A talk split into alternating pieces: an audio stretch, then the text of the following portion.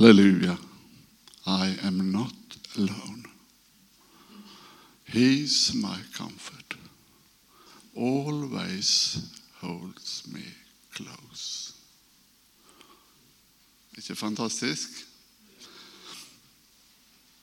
Jeg har hatt en periode der jeg har vært litt langt nede. Men de siste par ukene så Gud løfta meg opp igjen. Og det har vært så fantastisk. Gud er bare fantastisk. Jesus er bare fantastisk. Jesus er fantastisk. Han er fantastisk. Det fins ingen som Jesus. Det skulle vært sprengfullt her. Det skulle vært fullt på plassen her. Jesus er fantastisk. Når verden her er bare møl å by på. Jesus, han er fantastisk. Han er fantastisk. Og budskapet mitt til dere i dag er at vi skal få lov å ha fellesskap med han. Vi skal ikke bare kjenne han på avstand. Ikke, han er ikke oppi der og i nede her.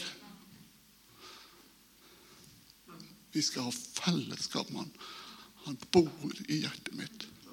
Han bor i hjertet ditt og ditt og ditt og ditt og ditt. Alle sammen. Daniel, han bor i hjertet ditt. Og det er fantastisk å ha fellesskap med han. Dette er det evige livet, at de kjenner deg, den eneste sanne Gud, og Jesus Kristus, Kristus han som du har utsendt. Johannes 17, 3, favorittverset mitt. Liv Elinor sendte melding til meg. Kan du holde tale og snakke om Johannes 17, 3? Kunne jeg sende noe enn ja.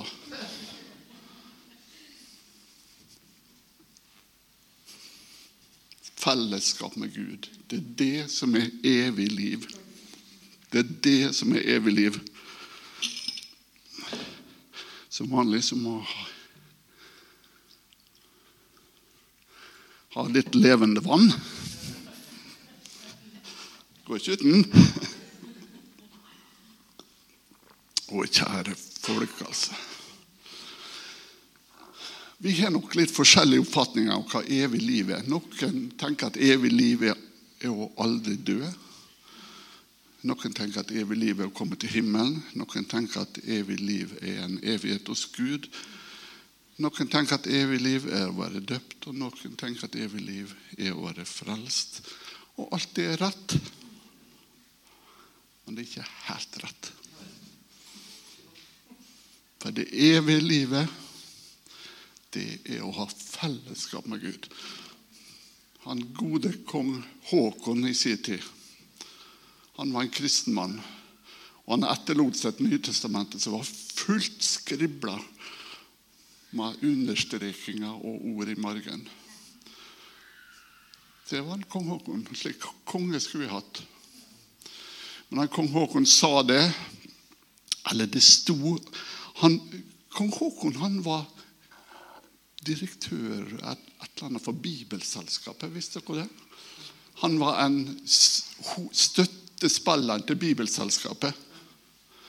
Og I en tale hos Bibelselskapet så han sagt det at vi må tilbake til den gode, gamle kristendommen. Og bygge landet vårt på de kristne verdiene, sa han. For da blir det bra. Det var ikke helt feil, det heller. Men det var ikke helt rett. For det handla ikke om kristne verdier. Vi har hatt kristne verdier i Norge siden 1814. Og vi ser hvor det går med landet vårt. Det vi trenger, er kjennskap med Gud og Jesus. Vi må kjenne Gud og Jesus. Hver enkelt av oss må kjenne Gud og Jesus. Vi må vandre sammen med Han hele tida. Det blir ikke noe bra i Norge før vi begynner å vandre sammen med Jesus. Før vi begynner å gå slik som det her. Mitt åk er ganglig, min byrde er lett. Hva med den store oksen der? Er det du? Nei, det er Jesus. Og den lille oksen, det er en Daniel. Send Daniel. Så bra, Daniel. Så bra. Og vi skal få gå i tospann med, med Gud. Er ikke det fantastisk, da? Da blir det lett å gå. For han drar mesteparten.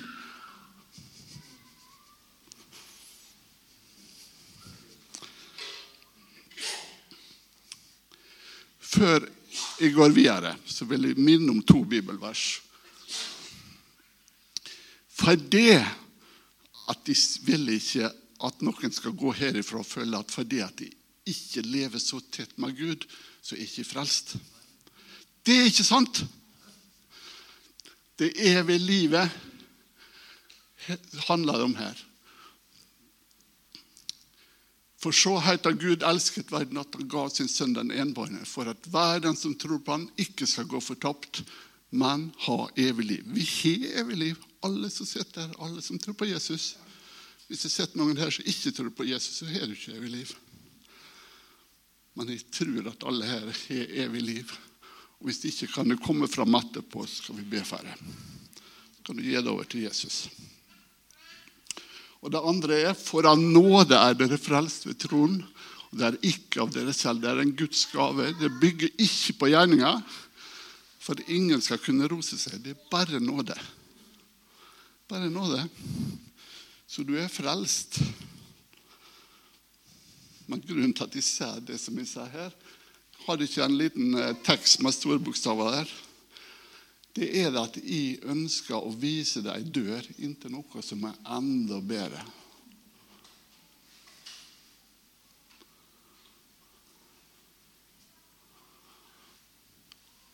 Ei dør inntil noe som er enda bedre. Jesus sa om evig liv. Dette er det evige livet, at de kjenner deg, den eneste sanne Gud, og Jesus Kristus, som du har utsendt. Johannes 17, 3. Blir ikke ferdig med det verset. Når det er snakk om å kjenne Gud, så er det kanskje nyttig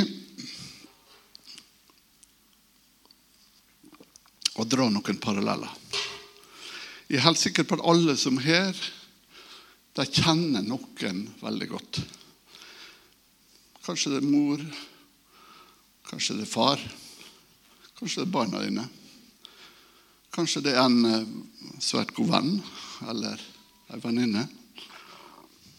Eller ikke minst ektefelle. Når du kjenner noen veldig godt, så vil du forstå ikke bare hva det sier, men hvert et blikk, hvert et skuldertrekk, hver en munnbevegelse eller kroppsspråk forteller mer enn tusenvis av ord. Eller bortforklarende ord.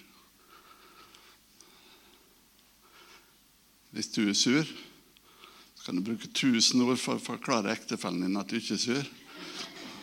Det hjelper ikke. Det har jeg prøvd. Det hjelper ikke et slag. Det blir lest som en åpen bok. Ja. Men Nytestamentet bruker ekteskapet som et bilde på forhold og relasjon til Gud. Og da er det menigheter det egentlig. Det er menigheter det snakker om. Men det snakker om menigheter som bruda og Jesus som brudgommen. Men det er også veldig vanlig blant kristne å si at Jesus er brudgommen, og jeg er bruda. For meg er kanskje det litt unaturlig, men for å leve i Elinor er det kanskje mer naturlig. For Ester er det helt naturlig. det er ikke fæle å se på den måten. Men det koker ned til relasjon relasjon. Kjenne hverandre godt. Ikke bare kjenne hverandre på avstand.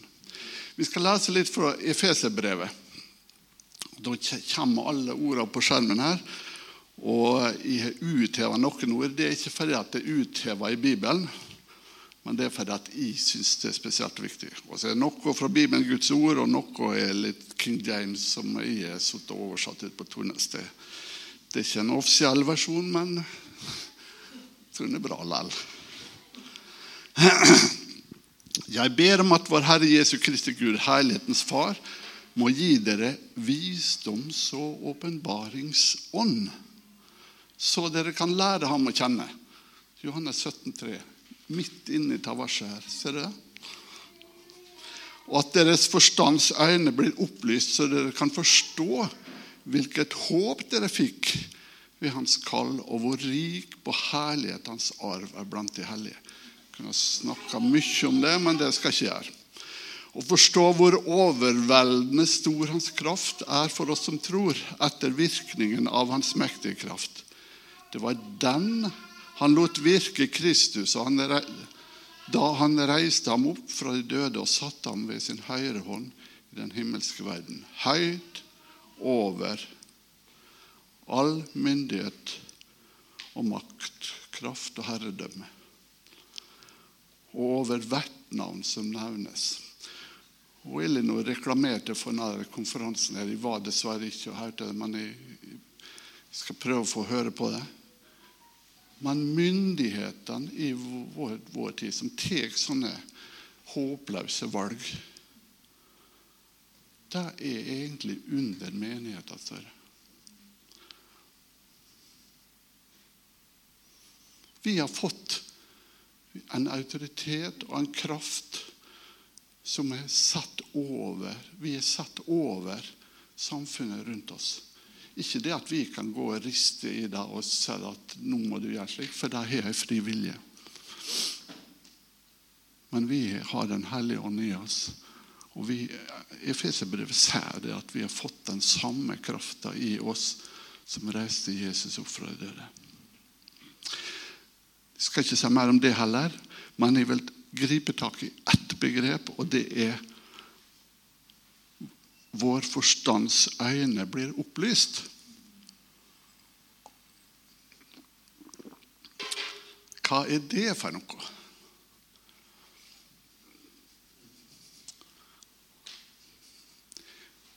Det har jeg lurt litt på. Det står faktisk ganske mye om det i Bibelen. Jeg skal nevne noen få eksempel. Jeg kan si at nei, En blir så svett av mikrofonen mikrofoner. Det første eksempelet er en som heter Gehazi, som var tjeneren til Elisha. Han fikk sin forstands øyne åpnet eller opplyst. Der har du det på skjermen, ja. Da tjeneren til Guds mann sto tidlig opp neste morgen og gikk ut, se der var det en hær som omringet byen med hester og vogner. Tjeneren hans sa til ham, 'Å, min herre, hva skal vi gjøre?' Da svarte han, 'Frykt ikke, for de som er med oss, er flere enn de som er med dem.' Elisha hadde nærmest, nemlig sett her før han. Jeg tror ikke han så det der og da, men han hadde lest Guds ord og vært sammen med Gud, og så han visste det. Så selvfølgelig, tenkte han. Så han må nå guttkvalpen å vite det. Og så sa han, 'Herre, jeg ber deg åpne øynene hans, så han kan se.' Da åpnet Herren øynene til den unge tjeneren, og han så og se overalt rundt Elisha var fjellet fullt av hester og vogner av ild. Andre kongebok 6, 15-17. Så flott, da. Han fikk se inn i det som var virkelig, virkelig virkelighet. Det vi ser rundt oss, er ikke den egentlige virkeligheten. Det er det åndelige som er the parent force, som jeg sier på engelsk. Og det vi ser rundt oss, er bare som kopier. Jeg hadde en svigerfar hos Berit som er død nå. Far henne han var så glad i lysbilder. Han laget sånne gamle glassbilder, og så viste han det på skjermen med en slik prosjektor som bråka sånn at det nesten måtte ha datt i ørene. Og det du så på skjermen, det var noe blekt eh, greier. Men hvis du så på det glassbildet, så var det krystallklart og så fint. Og det forklarer dette bildet med det åndelige og det fysiske. Det åndelige er som det glassbildet som er krystallklart, fint, nydelig farga. kroppen vår og verden rundt oss er fin, den òg, men den er blek i forhold til det åndelige. Jeg vil nevne et annet eksempel på noen som har fått sine forstands øyne opplyst. Dere skjønner sikkert at dette kommer til å ta litt tid. ikke sant? Hvis noen må på do eller eh, trenger litt mat, så får jeg bare gå ut på kjøkkenet, og så står jeg nå her og prater. Maria heter hun. Maria. Jesu mor. Nei, Maria Magdalena var det vel. Hun så Jesus utafor grava. Og så trodde hun det var gartneren. Er ikke slik man så? Ser forskjellig Nei, det var ikke noe. Det var bare mine egne tanker.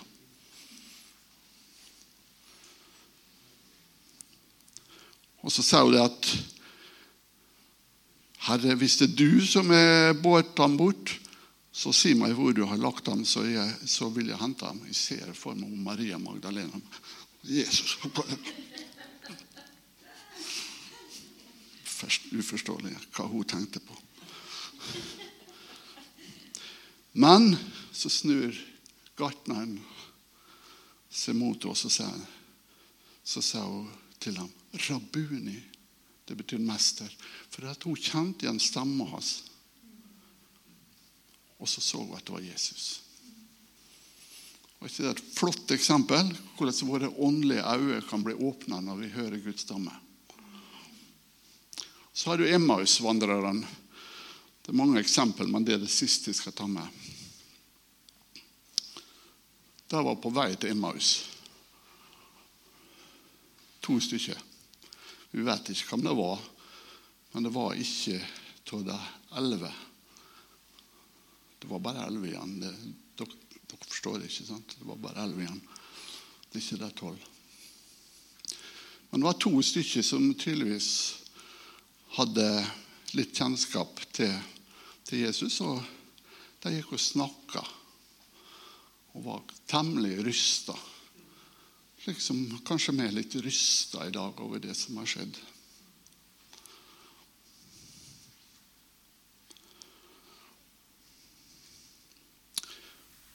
Og så går de inn i et hus, og så,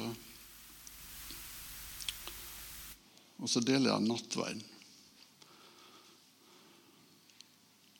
så står det at de hørte Jesus stemme på veien, og hjertet begynte å brenne. Da, da begynte de åndelige øynene å så vidt glippe opp litt. Grann.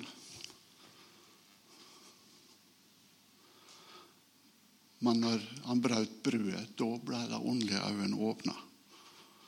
Da leser vi om i Lukas 24, 30-32.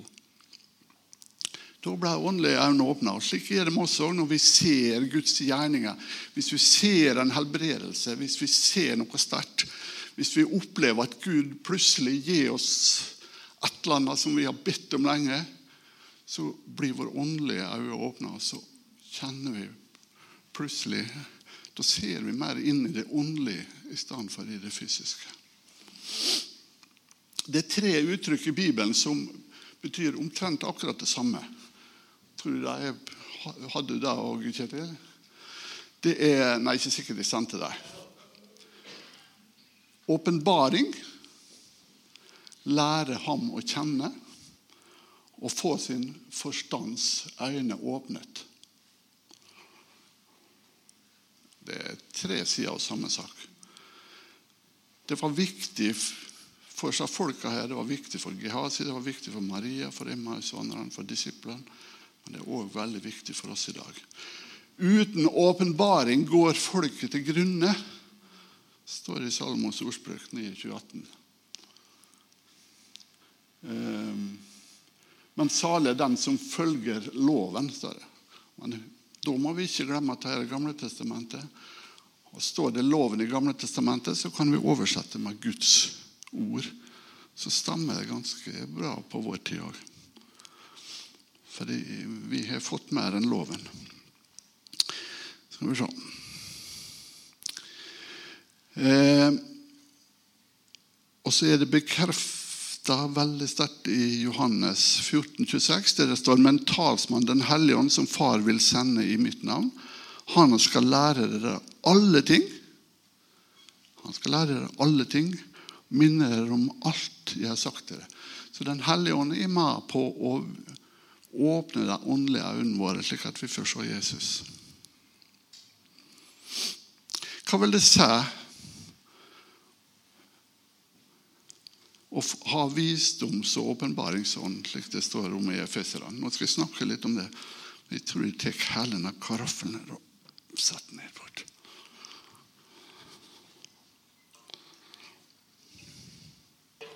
Burde ha en slik internettslange, men jeg kan spørre Elin neste gang. Det er forskjell på Guds visdom og menneskelig visdom. Vi skal lese fra første Korinterbrev. Og det ser vi sikkert på tavla her òg.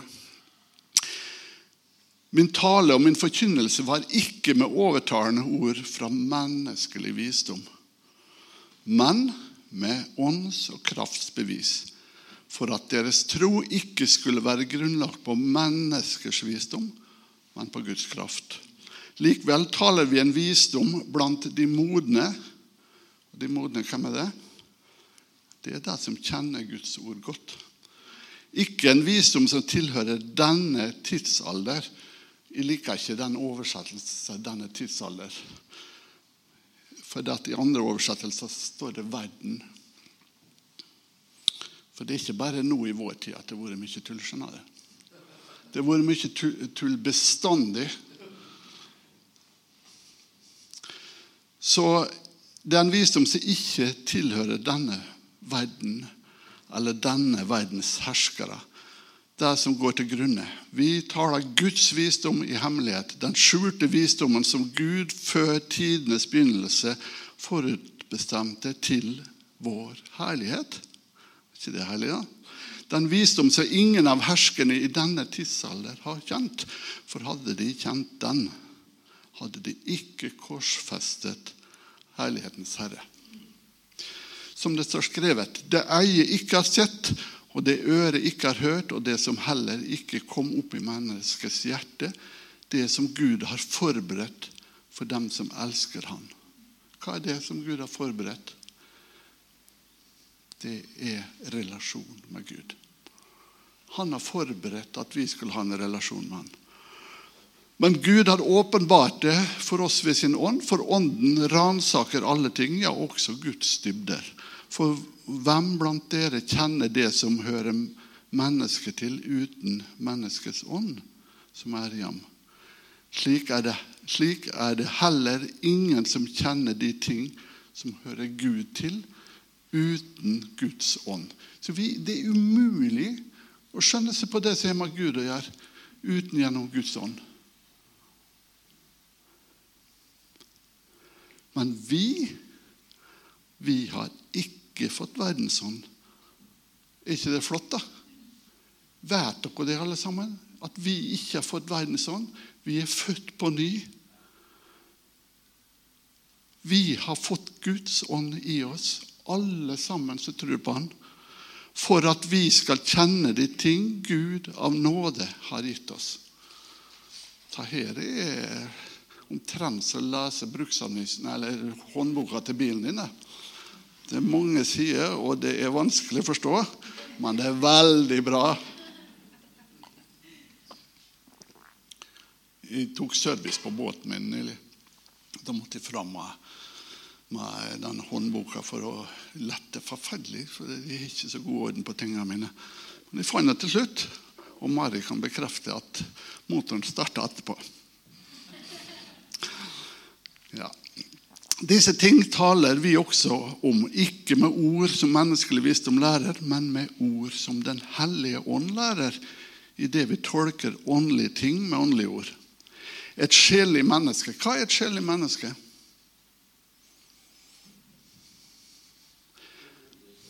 Føleri og følere, ja. Det er akkurat det som er i verden i dag. Tore. Det er føleri og følere. Og føler du slik, så er du slik. Og føler du slik, så er du slik. Og det er sjelelig menneske. Det er sjelelig menneske. Et sjelelig menneske tar ikke mot det som hører Gud til, for de er, for de er som dårskap for ham. Han kan heller ikke begripe seg begripe, Vi kan ikke lese lenger heller.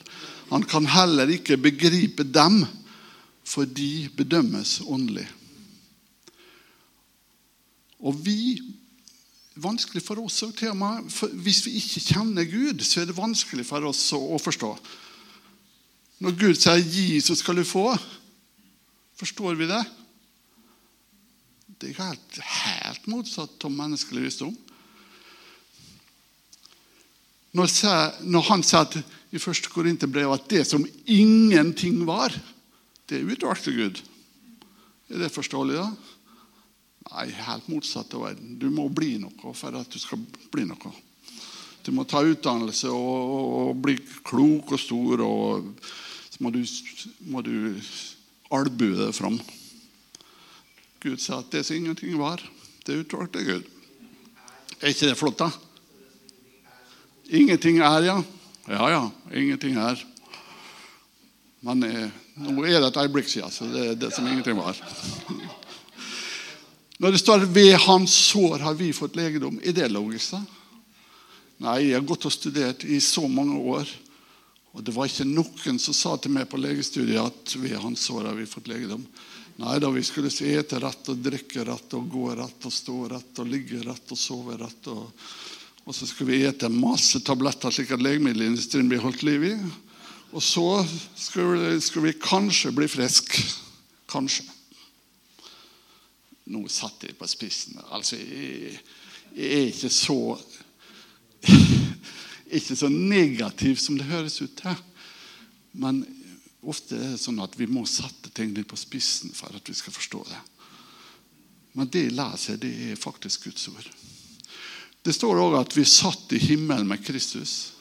Forstår vi det? da? Nei. Så Egentlig så forstår vi ikke så mye av det her med menneskelig fornuft.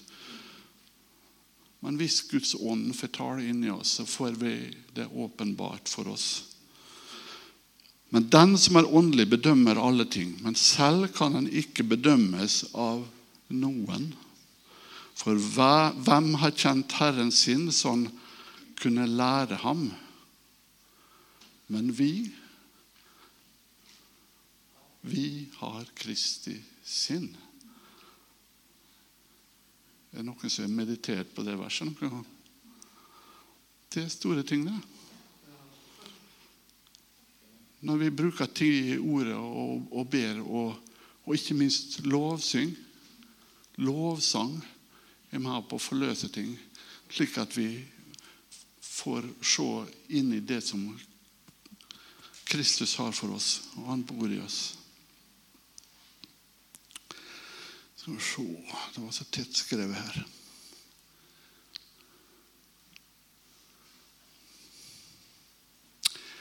Hvis vi, hvis vi, står fast på noe, så er det for enkelt. For vi har en sånn help-funksjon. Det er bare å si det. Kjære Jesus, jeg forstår ikke. Gi meg et ord. Og Marie som sver på det. Gi meg et ord, så får hun Esekiel 31, 42. Og så står det ikke her. For det var ikke så mange vers. Så jeg en gang til, og da klaffer det. Vet du. Det er ikke alltid vi treffer knappen første gangen. Men hvis vi treffer knappen, så svarer Gud. Han, Jesus, kom og forkynte evangeliet om fred for dere som var langt borte, og fred for dem som var nær ved. Derfor er dere ikke lenger fremmede og utlendinger, men medborgere med de hellige. Og dere hører til Guds husfolk. Så fantastisk, da. Vi er Guds husfolk, vi som sitter her. Og dere er bygd opp på apostelen, altså profetenes grunnvoll. Og hva er det? Det er Guds ord. Så det kommer stadig tilbake til det Elinor sa her. Vi må kjenne Guds ord. Vi må kjenne Guds ord. Det er så viktig. Og Jesus Kristus selv, som er hovedhjørnestein. I ham blir hele bygningen feid sammen, og den vokser til et hellig tempel i Herren. I ham blir også dere bygd opp sammen med de andre til en bolig for Gud i ånden. Ja, jeg tror ikke jeg skal snakke om alt som fer gjennom hodet mitt nå, for da blir vi ikke ferdig. Men jeg vil lese litt fra romerbrevet, der Paulus sier. Bli ikke dannet lik denne verden. Er det ikke det vi hele tida strever med? At vi har så lyst til å bli lik denne verden her. Men bli forvandlet ved fornyelsen av deres sinn, så dere kan prøve hva som er Guds gode, velbehagelige og fullkomne vilje. Det det egentlig står her, velger vi kjøttet, eller velger vi ånda? Velger vi kjøttet eller ånda? Ånda er jo den som bor i oss. Kjøttet er jo det som sansene våre forteller oss. Eh, det er ja, Jeg skal ikke gå så mye inn på det. Salomo han sier det. Vinn deg visdom, vinn deg forstand. Glem ikke og vend deg ikke bort fra min munns ord. Salomos ordspråk 4-5. Nesten så jeg skulle til å si at de fortsatte neste søndag, men jeg tror de må prøve å kjøre igjennom.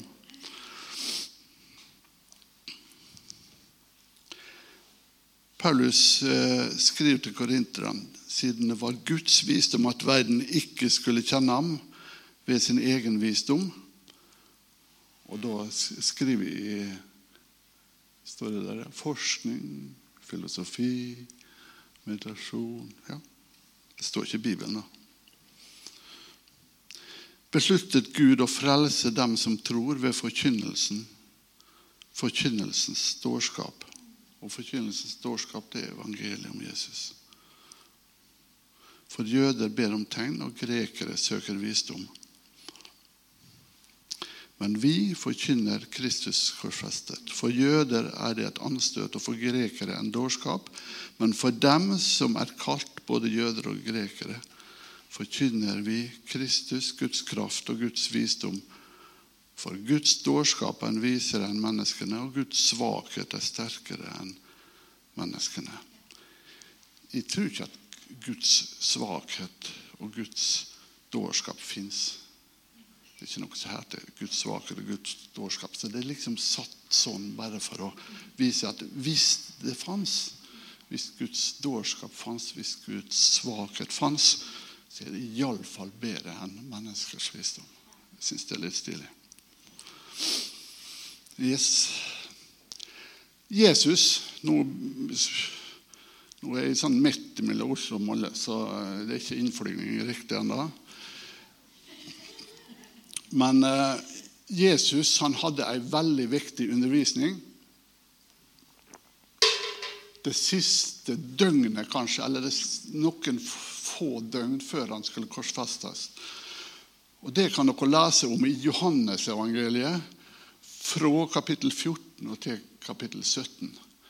Og Skal du velge ut noe i Bibelen, noe å begynne med, så begynn med Johannes 14-17 og så begynner du med de tre første kapitlene i Efeserbrevet. Når du er ferdig med det, er du temmelig utlært. Alt det andre som står i Bibelen, passer sammen med det.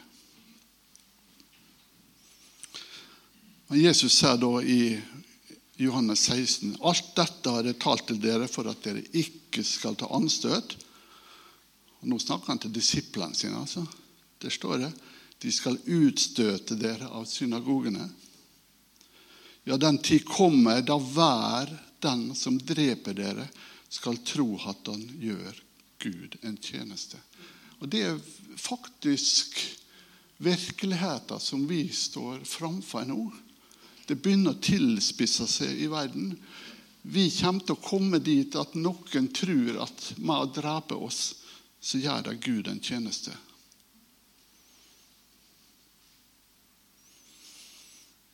Dette skal de gjøre mot dere fordi Hvorfor? Fordi de ikke har lest Johannes 17, 3. Fordi de ikke har kjent verken far eller meg. Salmo sier igjen, 'Min sønn, glem ikke min lære, og la ditt hjerte ta vare på mine bud.' Og vi husker for i stad mine bud det er Guds ord. For mange levedager og et langt liv og fred skal det gi deg i tillegg. Visdom det gir mer enn det vi tror. Kanskje vi skal lese, få litt visdom fra Guds ord i stedet for å, å trene med vekter og ja, Det er ikke galt, det, altså. Men jeg prioriterer det ikke. Og det ser dere sikkert på profilen min.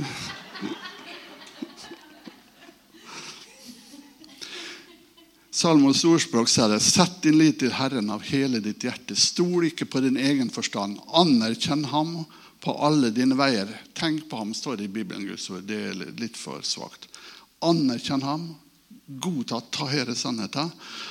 På alle dine veier, så skal han lede deg på rett vei. Vær ikke vis i dine egne øyne. Frykt Herren og vik fra det onde.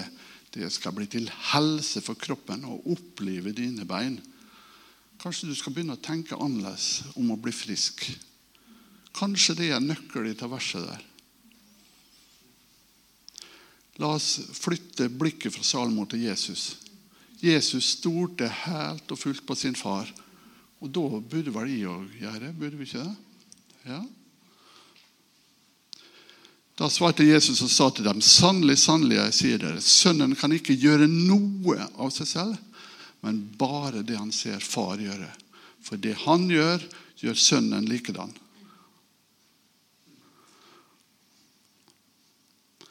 Og så står det i, i vers, eh, Johannes 14, vers 12.: Sannelig, sannelig, jeg sier dere, den som tror på meg, han skal også gjøre de gjerninger jeg gjør. Han skal gjøre større gjerninger enn disse, for jeg går til far. Hva som helst dere ber om i mitt navn, det skal jeg gjøre.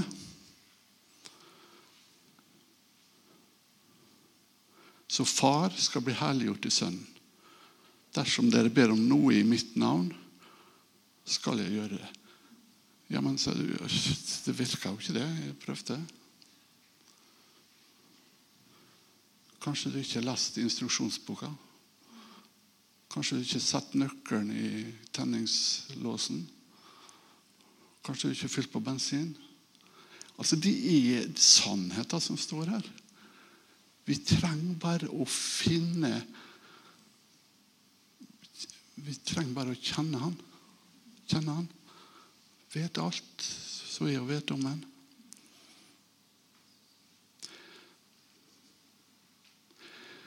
Ja. Så sier du kanskje jeg, jeg, føler, jeg, føler, at det ikke er bra nok.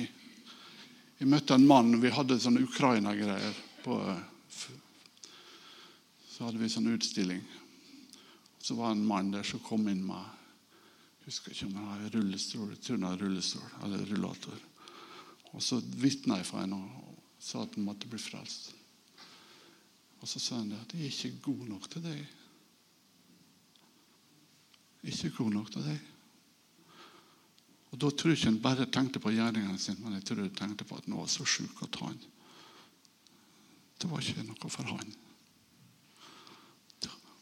Det er feil. Det er feil. Det er akkurat noe for slike. Da svarte Jesus og sa til dem, sannelig, sannelig, jeg sier dere, sønnen kan ikke gjøre noe av seg selv, men bare det han ser far gjøre.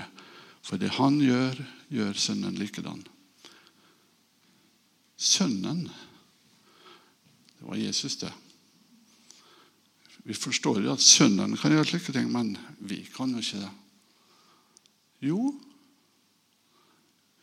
vi er Jesu brødre og søstre. Vi er arvinger. Vi er Kristi medarvinger. Vi leste nettopp at vi skal gjøre samme ting sa han.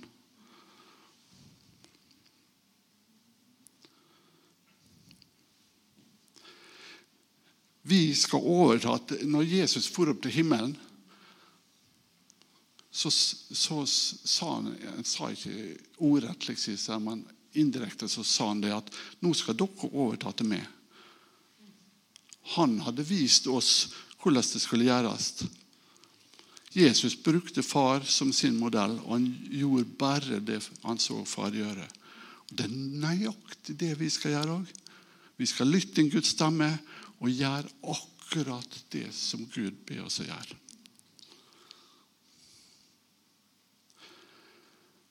I, eh, skal vi skal lese fra, fra Matteus. Den her har jeg vist dere før. Husk, er det noen som husker at dere har sett den der før? Ja, ikke før på denne talen her, men Så dårlig hukommelse har dere ikke. Men jeg har brukt den her tidligere. Og det er, er henta eh, fra Matteus kapittel 11. Og Hvis du føler at du ikke er bra nok, da er det den minste oksen her. Og så er det den største oksen, Jesus. På den tid tok Jesus til orde og sa, 'Jeg takker deg, Far, himmelens og jordens Herre, at du har skjult dette for de vise og de kloke.' Og åpenbart det for de små oksene. Ja, far, for slik var det velbehagelig for deg. Alle ting er over til meg av min far, og ingen kjenner sønnen uten far. Heller ikke kjenner noen far uten sønnen. Og hva står det mer? Den sønnen vil åpenbare ham for. Og Gud, Sønnen vil jo åpenbare ham for oss. Det er derfor jeg står her nå. Det er derfor vi har Guds ord. Det er derfor vi samles til gudstjeneste.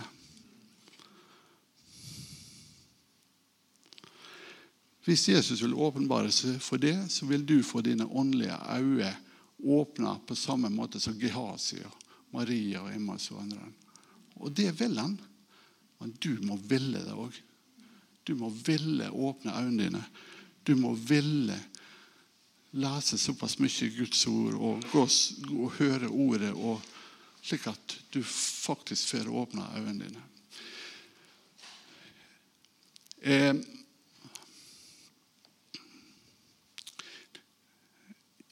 Jeg tenkte å ta med den eh, Message-bibelen sin, Matteus 11, men den kan dere lese hjemme. Det begynner å bli litt langt nå, føler jeg. Men det er et alternativ vil vi snakke om. Hvis dere syns det her var heavy, så er det et alternativ. Men det er et dårligere alternativ. Og det alternativet det er å leve i kjøttet. I Romerbrevet 8 står det for kjøttets sinnelag er død. Det er sterke ord han bruker. Kjøttets sinnelag er død. Men åndens sinnelag er liv og fred. For kjøttets sinnelag er fiendskap mot Gud, for det bøyer seg ikke under Guds lov og har heller ikke evne til det. De som da styres av kjøttet, kan ikke være til behag for Gud. Nå gjesper han tror jeg. altså Nå syns han det begynner å bli for langt. Men jeg påstår ikke at du er i kjøttet for det om du gjesper. Jeg vet at du er i ånden, igjen, tror jeg. Kjøttet er når sjela lytter til følelsene og de fem sansene. Syn, hørsel, lukt, smak osv. Forskning hører faktisk også til kjøttet. For det kalkulerer ikke med Gud i hele tatt. Det tar ikke med den faktoren. Hadde det gjort det, så var det vel og bra. Ja, er det sånn at forskning er ok? Jo, på en måte så er det greit når det er enig med Guds ord. Men hvis forskninga viser det motsatte av Guds ord, så er det ikke greit. Begynnelsen på alt er egentlig å gi Gud rett. I Romerne 3,4 står det det står fast at Gud er sann, men hvert menneske er en løgner når vi ikke ser noe som er i tråd med Guds ord, så er vi en løgner.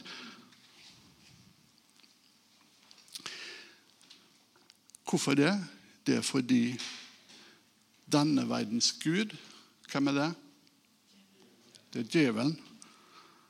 Og han er løgnens far, står det i Johannes 8, 14. Et annet ord for djevel er Satan, ikke sant? Det begynner på sa og ender på and. Og midt i står korset. T er kors, ikke sant? Sånn T-en ser ut. Og korset har kløvd Satan i to. korset har kløvd Satan i to. Da Jesus døde på korset, så kløvde han Satan i to. Han avvæpna makten og myndigheten. Det er ikke alt vi tenker over. Satan har ikke noe særlig makt lenger. Han har ingen makt for oss som tror på Jesus. Men overfor verden har han makt fordi han er løgnens far og forteller løgn, og de tror på det. Og så bruker han verdens folk til å utføre sine gjerninger.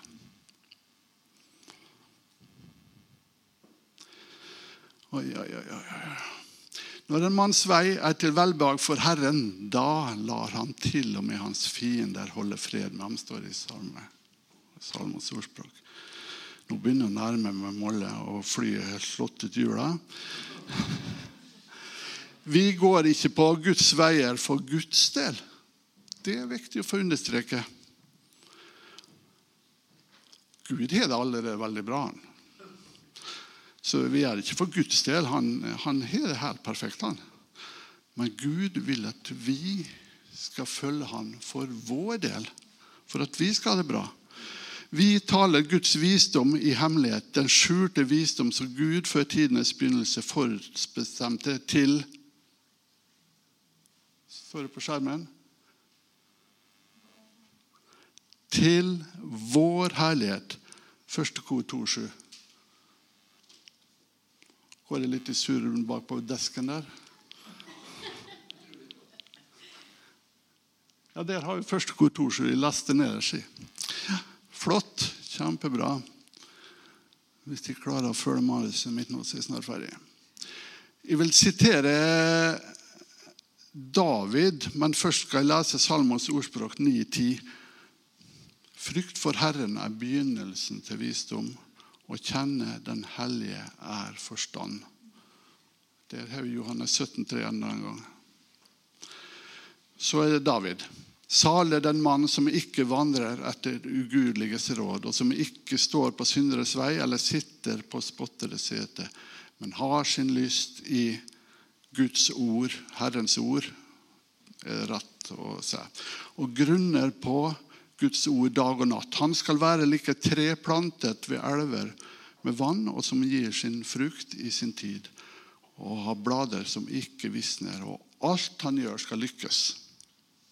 Slik er det ikke med det ugudelige, står det. Jeg trenger ikke lese resten. Jeg har et lite vitnesbyrd å dele. For jeg og Marry vi gifta oss for eh, ett og et halvt år siden. Og jeg er blitt pensjonist. og når en blir pensjonist, så går jo lønna ned. ikke sant? Så vi følte at det var litt knapt av og til. Og så tenkte vi skal vi tro Gud? Og han sier jo det at bekymre deg ikke for hva du skal ete og drikke. og Bekymre ikke hva du skal putte på tanken på bilen. For det er alt like hedningene opptatt av. Så vi var litt hedenske når vi begynte å tro Gud for at vi skulle få billig diesel. For at eh, etter Ukraina-krisa kom jo dieselen opp i 24-25-26 kroner. Og vi har jo ikke investert i disse eh, batteribilene ennå. Så, så, vi har en, eh, en dieselslukker. Men så ble jeg og Mari enige om at vi skulle begynne å truge for at de skulle få billig diesel. Ta ett, er det ett og et halvt år siden nå? Ett år siden. Har aldri betalt over 20 kroner for dieselen. Og En gang vi kom forbi Malmefjorden, så var den 17 kroner. Så var vi inne der og fylte, og så kjørte vi igjen. Og Det var bare en liten stund, så var den over 20 igjen. Og Det samme skjedde her i Ernesthagen for bare noen uker siden. Og var ned på 17 kroner bare en liten stund, akkurat når jeg og Mari får forbi. Ja, Men det er ikke tull. Det er helt sant. Vi har alle betalt over 20 kroner for dieselen på det året her. Vi har stått i tro for det. Det sier ikke for å skryte av oss, men for å skryte av Gud. Skryte av Gud.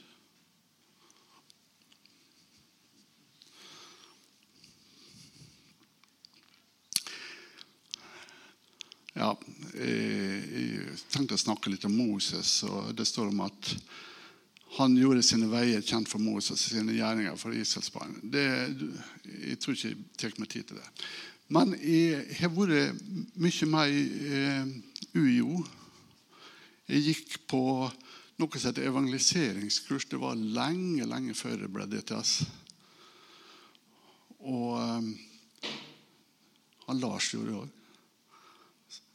Han så storebroren sin. Bra, Lars. Men UiO har et motto. Det har kirka vår òg. Det ligner faktisk. UiO sitt motto er å kjenne Gud og gjøre han kjent. Er ikke det Johannes 17, 3, da? Pluss litt misjonsbefaling. Veldig bra motto. Guds veier får vi, se, får vi se nå er jeg litt tilbake til Moses, når vi blir kjent med han og går i tospann med han.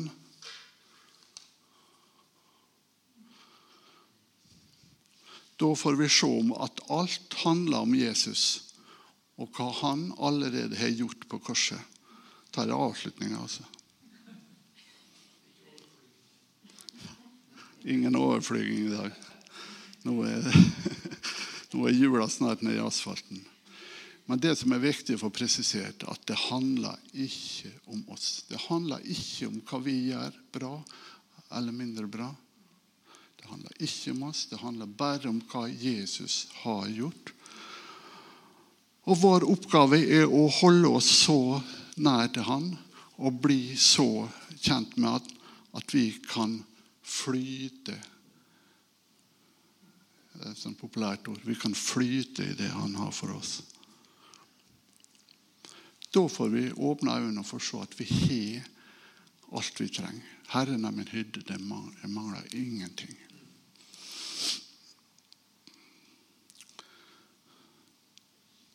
Det ligger der skjult i vår gjenfødte ånd og kan hentes fram som en kilde som veller fram til evig liv. Konklusjon Jeg vil avrunde med å konkludere med ord fra Peter. Må nåde og fred bli mangedoblet i dere. Det er en oversettelse fra King James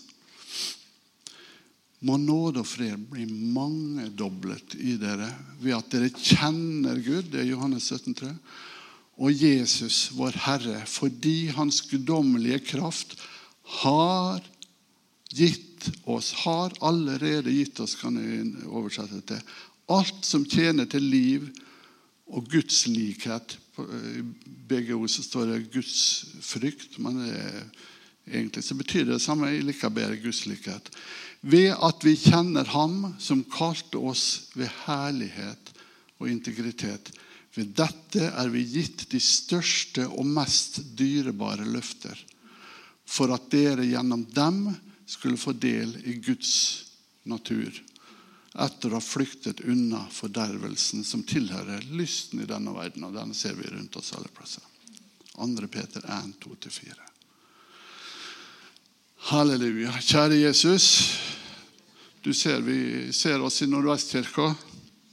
Vi vil så gjerne gå i tospann med det. Vi vil så gjerne bli kjent med det. Og du vil så gjerne bli kjent med oss. Så da er det ikke noe problem. To som forelsker i hverandre, det er ikke noe problem med å bli kjent. Så jeg takker Jesus for at du er så glad i oss at du etterjager oss.